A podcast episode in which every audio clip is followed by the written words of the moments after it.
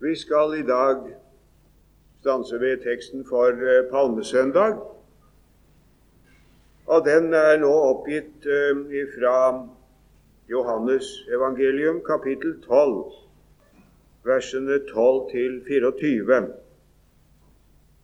Den følgende dag, da meget folk som var kommet til høytiden, fikk høre at Jesus kom til Jerusalem tok de palmegrener og gikk ut for å møte ham og ropte Hosianna, velsignet være Han som kommer i Herrens navn, Israels konge.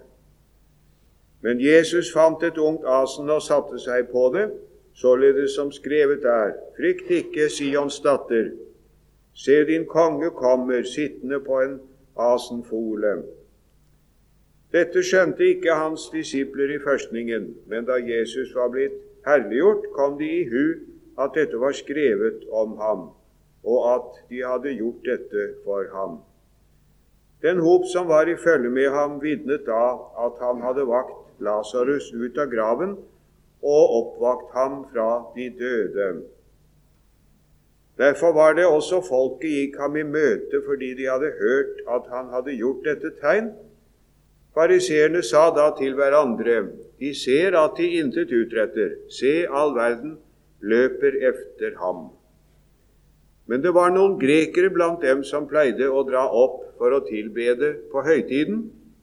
Disse gikk da til Philip, som var fra Betsaida i Galilea, og ba ham og sa, Herre, vi vil gjerne se Jesus. Philip kommer og sier det til Andreas. Andreas og Philip kommer og sier det til Jesus. Men Jesus svarer dem og sier, Timen er kommet da menneskesønnen skal herliggjøres. Sannelig, sannelig, sier jeg eder, hvis ikke hvetekornet faller i jorden og dør, blir det bare det ene korn, men hvis det dør, bærer det megen frukt. Kjære Herre Jesus, når vi nå skal tenke på dette ordet og samle våre tanker om det. Hjelp oss å være veiledet av din ånd. La ordets sanne budskap og dype innhold vise seg for oss sånn, Herre Jesus, at vi ser deg, og sånn at vårt hjerte kunne glede seg ved å se deg. Amen. Det er altså palmesøndag som vi nå har eh, foran oss. Og eh, det er jo slik med disse dagene i påsken at de har mer eller mindre et eh, anskuelig bilde festet til seg. Palmesøndag er inntoget, palmegrene og Hosianna osv. Hver enkelt av dagene i påsken har sitt, eh, sitt preg. Uh, det må vi da ta vare på i, i, vår, uh, i vår, preken. vi må absolutt det. Men samtidig må vi passe litt på at vi ikke henfaller til stereotyper. Det er både en fordel og en vanskelighet forbundet med disse dagenes plastiske karakter. Eh, det er en fordel for så vidt som det som er anskuelig, alltid er eh, greit å tale om på en måte. Man kan gjøre det synlig for tilhørendes bevissthet. Men vanskelig på den måten at vi har lett for å gjenta oss. Det blir det samme tema om igjen og om igjen. En vri er ønskelig, sånn at eh, vi ikke forlater opplegget, hovedtanken, men allikevel aksentuerer budskapet etter det som er aktuelt akkurat nå. Og Det har jeg tenkt på her i går da jeg satt med denne prekenforberedelse i tankene. Og Da ville jeg nå foreslå at vi ser teksten under, det, under denne synsvinkel. Det blir da tema palmesøndags jubel, dens årsak, dens betydning og dens begrensning. Jeg tror vi skulle komme godt ut av det med teksten på den måten. palmesøndags jubel, dens årsak, dens betydning og dens begrensning. Vi eh, undres eh, kanskje på palmesøndags jubel. Hvorfor jublet de? Jeg eh, kunne som en innledning, hvis jeg skulle ha talt på søndag, det skal jeg ikke for en gangs skyld, gjerne ha tatt utgangspunktet i en, eh, et minne som ikke noen av dere har, men som eh, vi som er på min alder, har, mange av oss, nemlig den 7. juni 1945, da kongen kom hjem fra England, og et utrolig antall mennesker sto på Rådhusplassen. Jeg sto på trappa borte ved Vestbanen. Det var ikke råd å komme lenger. Skulle ikke tro det, men det er virkelig sant. Og ikke så jeg noe av det som skjedde, og eiendommelig nok så hørte jeg ikke noe heller, for høyttaleranlegget var høyst miserabelt. Så akkurat når kongen gikk i land, og hva som skjedde, det, det, det, det, det fulgte vi ikke sånn akkurat, så svært nøyaktig akkurat. Men det gjorde ingenting. Man var der. Det som en hadde ventet på og tenkt på i fem grusomme år, og sukket i stille synder den som kunne få oppleve dette. Nå opplevde vi dem. Så hvis noen hadde spurt hva er det egentlig dere er så lykkelige for, så hadde det ikke vært vanskelig å svare på det. Kongen er jo kommet hjem, jo. Nå kommer han.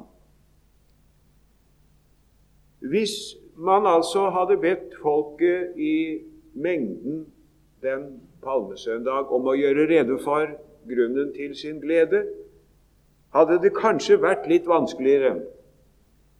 Det er et, så vidt vi kan forstå ut av tekstene, en eh, blanding av motiver. Ja, en betydelig blanding. Hva var det for folk som jublet? Jeg tror det er verdt å legge merke til at det er folk som kommer ut fra byen. Det står det. De gikk ut, står det i vers 13. De var kommet til Jerusalem, og der inne i byen får de høre at nå kommer han. Og så går de ut fra byen for å møte ham. Eh, den store eksegeten i en tidligere generasjon, han setter som overskrift i Einholung Jesu at han blir hentet inn i Jerusalem. Og hvorfor da de, eh, de gjorde det? Ja, det er vel eh, formodentlig fordi de hadde hørt om ham, hva som nå hadde skjedd. Eh, vi får en antydning om det i vers 16. Eh, nei, om forlatelse 17. Den hop som var i følge med ham, vitnet da at han hadde kalt Lasarus ut av graven. Der kommer det an på hva du leser. Hvis vi leser 8, sånn som det er i Nestles tekstutgave, så er det oversettet sånn som vi har det her. men men det kan også leses hotti, og det er mange som foretrekker den lesemåten, New American Standard. Bible har lest hotti, åpenbart, og da blir oversettelsen altså eh, den eh, De eh, som hadde vært i følge med Jesus og, vid, og vært vitne til at han hadde kalt Lasarus ut av graven, de sa det var øyenvitner med. Det var noen som hadde vært med og sett da Jesus vakte Lasarus opp av graven. Eh, vi nå, ser noe om det i vers 9 der. En stor mengde av jødene fikk vite han var der, og de kom ikke bare for Jesus skyld, men også for å se Lasarus. Noen har vært vitner til det, noen har kommet løpende for å se det de således hadde hørt om. Og så har åpenbart meldingen om dette satt fantasien i sving, og forventningen, eh, like frem den messianske forventning som, eh, alltid lå like under vannskorpen i Israel på denne tid. Den er vakt. Nå kommer han. Der har vi ham igjen. Og de hadde jo opplevd store ting før. I det sjette kapittel hos Johannes leser vi jo om at han metter 6000, messer 5000 i ørkenen, og eh, at de så ville ta ham med makt for å gjøre ham til konge. 6.15. Men da gikk han sin vei. Han ville ikke det. Det var ikke sånn eh, den slags konge han ville være. Men nå kommer de altså og hyller ham som konge, og denne gangen går han med på det. Ja. Denne gangen faller han inn i rollen, om vi skulle bruke et sånt uttrykk. Han drar seg ikke unna. Han kunne vel ha gjort det, men han gjør det ikke. Denne gangen så er han Messias. Denne gangen er han den de venter på. Og han kommer der. Han finner et asen, en fole, og setter seg på den for at profetien skulle oppfylles. Og Da kan man jo tenke som så hva er det for motiver til denne glede? Og det er vel da litt av hvert, skal jeg tro. Det er eh, noen som ikke er kommet lenger enn de var da det skjedde, som Johannes 6 forteller om. De tenker seg en jordisk konge. Det er en ny Judas Makabeus som skal befri folket. Det er en politisk begivenhet av første rang, og Jesus er en politisk fører av første rang. Og det hyller de ham for. Det er deres, eh, deres motiv. Kanskje har det vel også vært andre motiver. Det står i Matteus 21 at folket sa dette er profeten Jesus fra Nasaret. Og så heter det at det noen sa til Jesus du må irettesette dine disipler, men han gjorde ikke det. Av umyndiges og dienes munn har du beredt deg lovprisning, sier han. Kanskje var det noen som skjønte litt mer. Det kan vel også tenkes. Men det har vært, har vært eh, delte motiver. Det er en jubel omkring Jesus som eh, de ikke riktig forstår. Og disiplene skjønte den heller ikke helt ut, står det her. Det var ikke før etterpå de skjønte hva som egentlig hadde skjedd. Nemlig at Jesus kom nå inn i Davids dal, sånn som eh, profeten hadde sagt det. Eh, Sakarias, frykt ikke Sions datter. Din konge kommer sittende på en asenfole. De skjønte det ikke. Nå vel, eh, vi skal alltid huske på dette her, for eh, Jesus er det så mange slags vurderinger av. Det var jo ikke så mange år siden nå at vi hadde noe som heter Jesusvekkelsen. Den ble fort borte, slik som sånne vekkelser gjerne blir, men det var jo svære saker. Alle blader skrev om det. Og det var eh, bilder og saker og ting.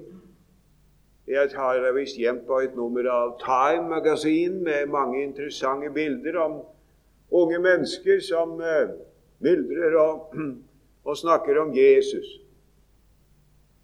Uh, en, en, en, del av hippiebevegelsen bent fram som var sentrert om Jesus. Og Man var transparenter med ord om, om Jesus eh, sammen med transparenter med ord av, av fra Maos lille røde. Eh, det er ikke så svært mye igjen av det akkurat, men det var en sånn. Og det kom en opera som heter 'Jesus Christ Superstar'.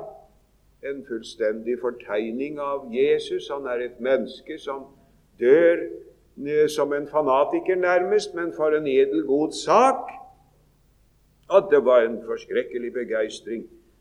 Det var I Japan i 73 så ble eh, denne operaen oppført. Og det var laget Den kom på Det var altså en TV-framsyning. Og uh, fra kristelig hold, misjonærer, ikke norske er jeg glad ved å si, men andre, så hadde de vært høyst medvirkende på dette. For det var så veldig stort at folk ville interessere seg for Jesus. Å, det var så stort.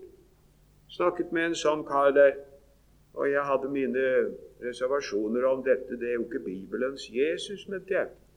Det er Jesus i alle fall, sa han. Det er stort at folk, at folk interesserer seg for Jesus. Så det har vært eh, mange slags begeistring og mange slags vekkelse. Det kommer jeg tilbake til. Og her var det i sannhet nokså blandede frukter. Det var det.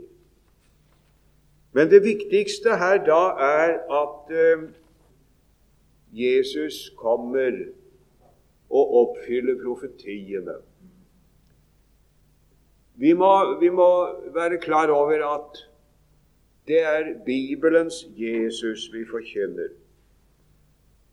Det skjønte ikke mengden. Ikke disiplene engang skjønte det poenget, i hvert fall, at dette var oppfyllelse av profetien hos Sakarias. Men eh, det er den sanne Jesus som er det store og avgjørende. Vi må alltid huske på hvem han er, og forkynne ham. Hvis ikke begeistringen for Jesus gjelder Bibelens Jesus, så er det bare tomt. Da blir det ingenting ut av dem. Her er det en sak som vi får prøve å huske, og som vi får prøve å forkynne òg, og det er eh, altså at det er frelseshistoriens Jesus. oppfyllelse av profetiene.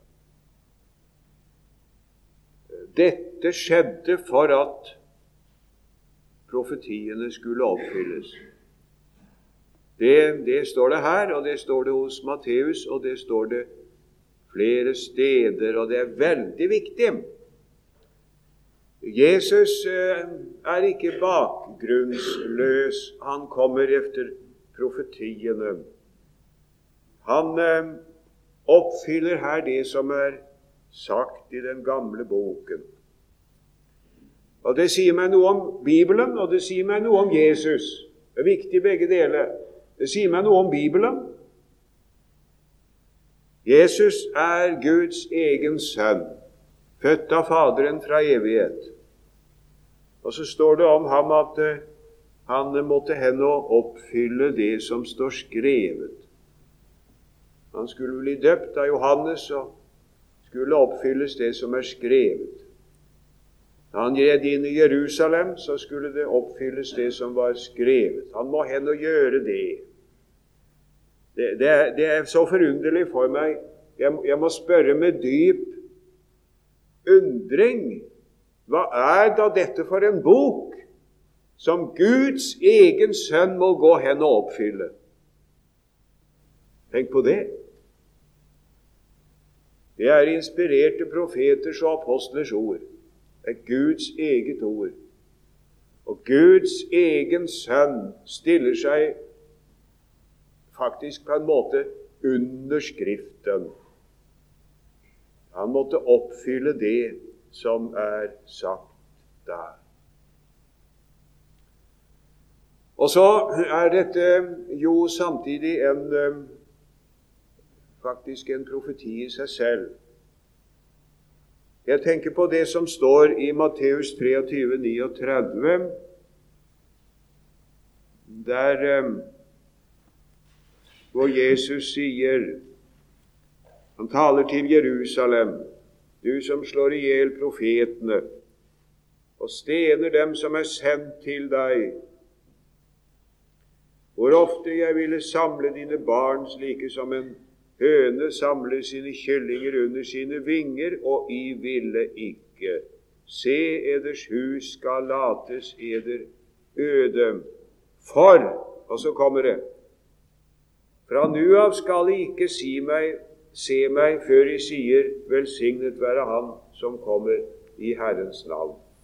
Det peker ikke frem til palmesøndag, men langt, langt videre frem.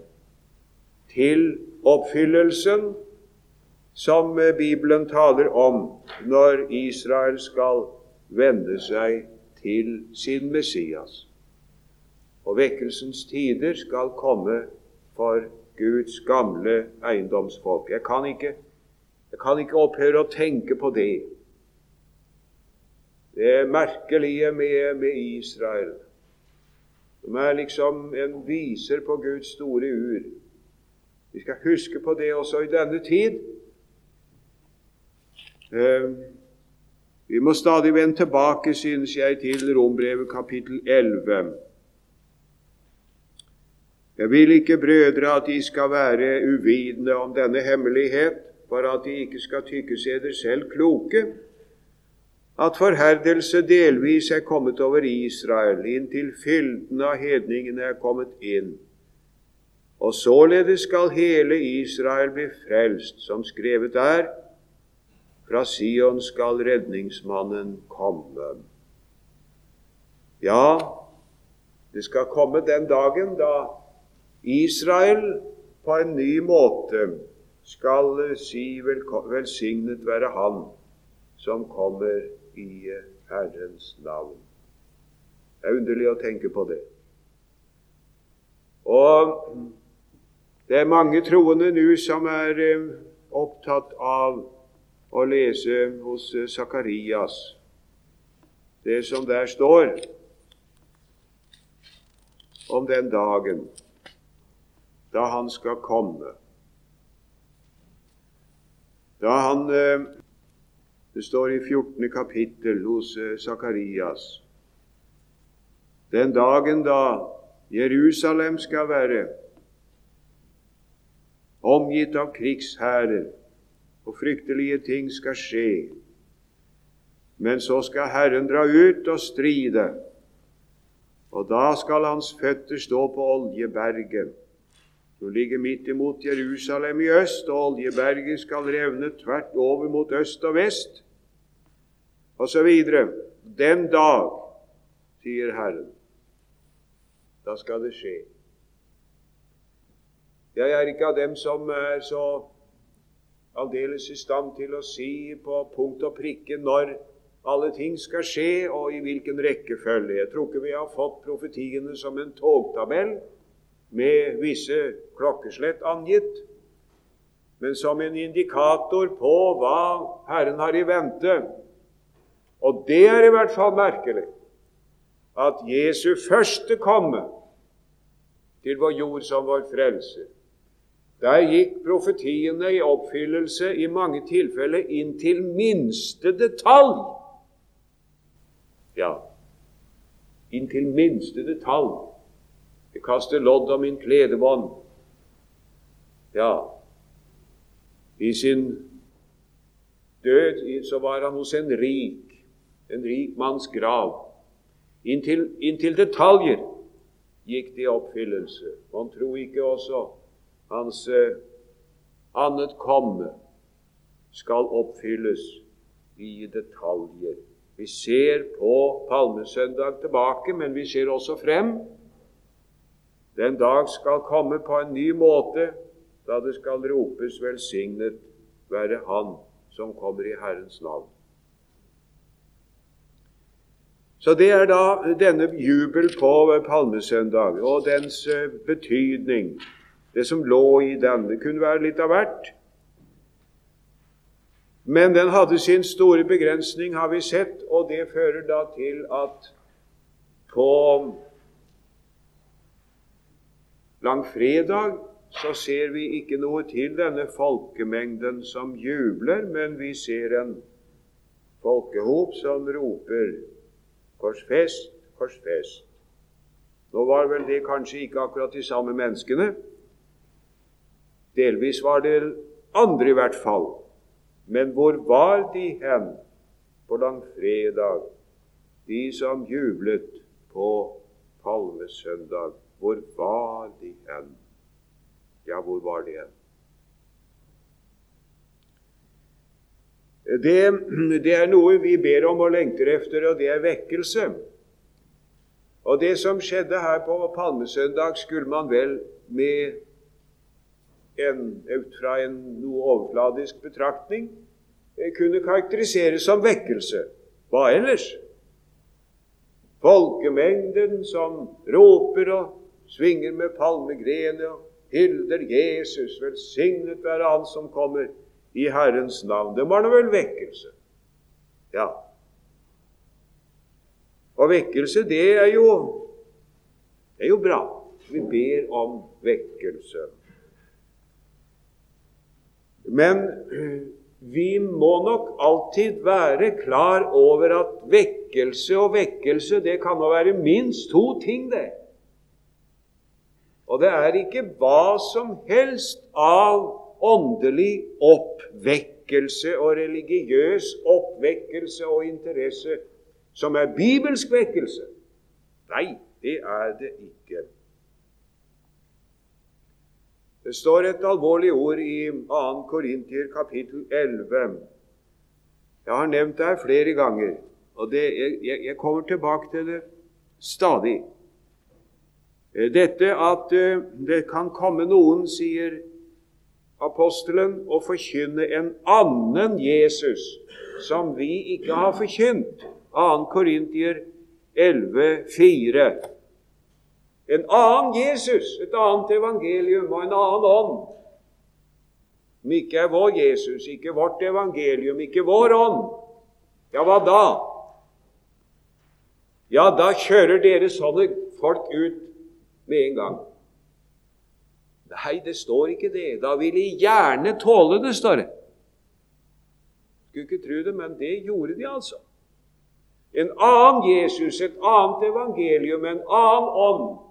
Hjertelig velkommen. Tenke seg. Ja, Sånn ser det ut for apostelen når han ser med, med, med, med engstelse på den åndelige situasjonen i menigheten i Korint. Det er alvor. Så vekkelse og vekkelse, det, det, det, kan være litt av hvert. Og det er ikke alltid om det er en veldig åndelig interesse, en, en, en, en veldig eksaltasjon, begeistring, palmegrener, hosianna og halleluja. Det er ikke sikkert at det er bibelsk vekkelse. Men det kan særdeles ofte være noe helt annet. Det jeg fant frem her et, eh, et brev fra Luther som han skrev i 1522. Eh, Det er så merkverdig, altså. Den 13. januar 1522 skriver han til Melanchthon fra Wartburg. Da var situasjonen den at disse såkalte Zwickau-profetene hadde kommet til Wittenberg Tre karer som hadde merkelige ting å fortelle om åndelig liv og oppvekkelse. Og det ble en vekkelse i byen så at det, hele byen sto på annen ende. Og Melanchthon syntes dette her var gode greier, for de hadde som, det skjedde så mye. Ja, Men da måtte det vel være en kristelig vekkelse når det skjedde så mye. Det kan jo ikke feile. Og Dessuten kunne de jo fortelle ting. De, de kunne fortelle at det, om at de hadde vært In tertium kølum raptos sese CC De forteller at de var opprykket til den tredje himmel. Det var så svære ting. Og Melanchthon har skrevet til Luther, og det brevet har vi ikke, men han har åpenbart vært meget betatt over dette her. Så sier uh, Luther til ham at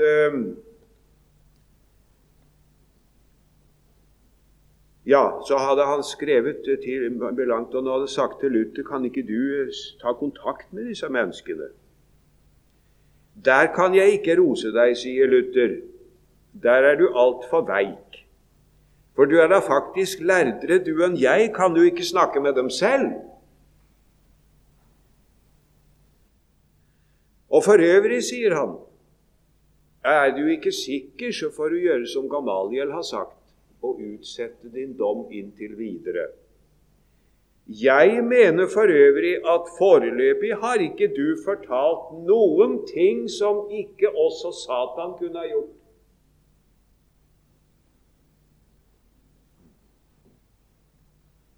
Og når du skal prøve åndene, sier, sier Lut Ja, nå for, nå, nå, nå for, tiden har de jo fått opp i det at det å, å prøve åndene om de er av Gud, det leste jeg da virkelig svart på hvitt i det kristelige Dagblad Dagen at eh, det å prøve åndene om de er av Gud, det, det, er å prøve om et menneske er besatt av en demon.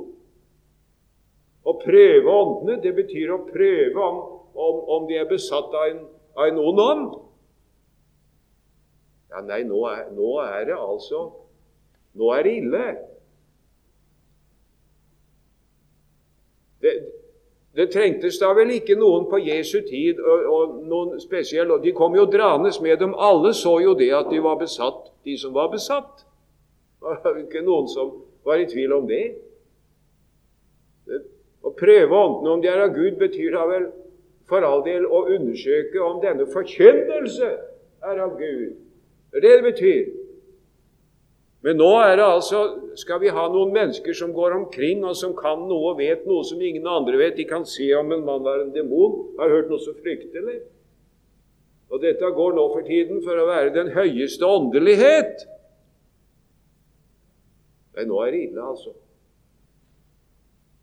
Der kan du se hvorledes det er forrykket ifra det å være konsentrert om Guds ord og budskapet til å være innstilt på en slags subjektiv utrustning som noen antas å ha. Så sier Luther videre Når du skal prøve åndene, sier han, så skal du spørre om de er prøvet i anfektelsen. Du skal prøve om Se om de er prøvet i anfektelsen. Har de noe å si om anfektelsen? Har du lyst til å vite, Filippus, stedet og tiden og måten for samtalen mellom sjelen og Gud? Det som De hadde jo så veldige saker å fortelle om. Har du lyst til å vite hvordan det foregår? Og så siterer han noen salmesteder. Som en løve har du sønderrevet mine ben. Jeg er kastet bort fra dine øyne. Min sjel har smakt det som er ondt. Vandene er kommet like til, like til sjelen. Uh, ingen kan, intet menneske kan se meg og leve. Ja, det er jo unektelig noe annet. Det som er selve prøvestenen, er om de kjenner anfektelsen, og om de kjenner den korsfestede Jesus Kristus, sier Luther. Se, du skal ikke tro om de forkynner den opphøyede Jesus, sier han, om ikke de først forkynner den korsfestede Jesus. Og det forekommer meg nok at det er det, her, her, har du grunnen til at det er fortalt om, om um, grekerne som kom for å se Jesus. Det er så merkelig. Her har vi liksom først et, et, eh, et, et eh, stort bilde av en, av en folkehop, en masse, masse mennesker. Og så er det en sånn en zooming inn på noen individer. Og så er det noen grekere som kommer. Det har vel vært av disse som de såkalt gudfryktige, de som var altså tilhengere av jødenes tro uten akkurat å ha tatt av eh, omskjærelsen. Men de kommer, og så vil de gjerne se Jesus. Du ser liksom først en folkemengde, og så ser du noen individer. Og de vil se Jesus. Og da ser vi Herren bli så grepet Han blir så grepet. Han sier timen er kommet da menneskesønnen skal herliggjøres. Og Hvis ikke hvetekornet faller i jorden og dør, så blir det bare det ene korn. Men hvis det dør, bærer det megen frukt. Jesu gjerning, det er det første som dermed skal sies, den måtte gå gjennom døden. Uten kors ingen krone. Han kunne ikke bli verdens frelser og Messias bare på en palmesøndagsbegeistring. Langfredag går imellom uten at han døde som Guds lam som bar verdens synd. Så kunne han ikke herliggjøre Faderen og frelse menneskene. Kunne ikke det. Jeg gjentar han kunne ikke bli verdens frelser bare på en palmesøndagsbegeistring langfredag og påskemorgen måtte gå imellom. Men det gjelder også den gjelder også faktisk på sitt vis hver enkelt en av oss. Døden går imellom. Det er en preken av Søren Kirkegård som er så gripende der. Det er mellombestemmelsen, som han kaller det. Du taler ikke kristelig uten det som man kaller for mellombestemmelsen. Døden går imellom. Døden går imellom.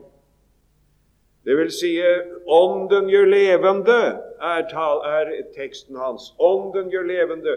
Og når man hører sådan, så skulle man jo tenke Giv hit, giv hit.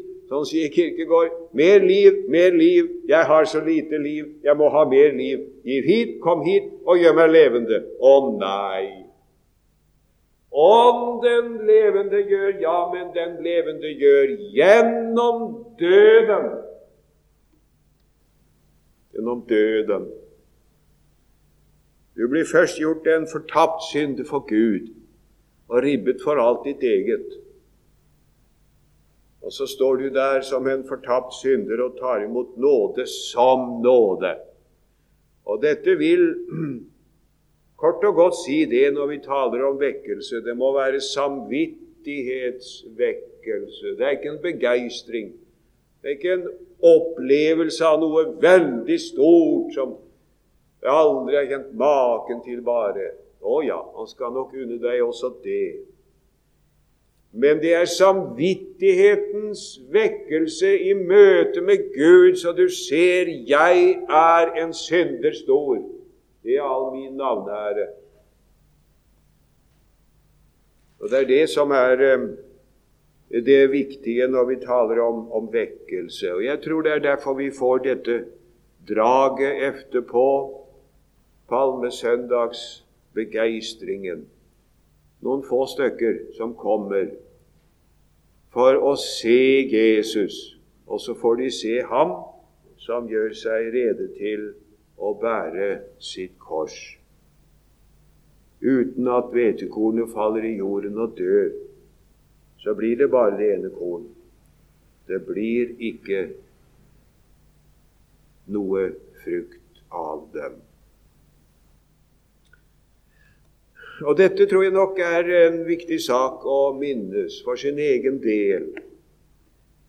Sånn at vi vi, vi, vi, bevarer det som Luther talte om her i dette merkverdige brevet fra 1522, når han sier at eh,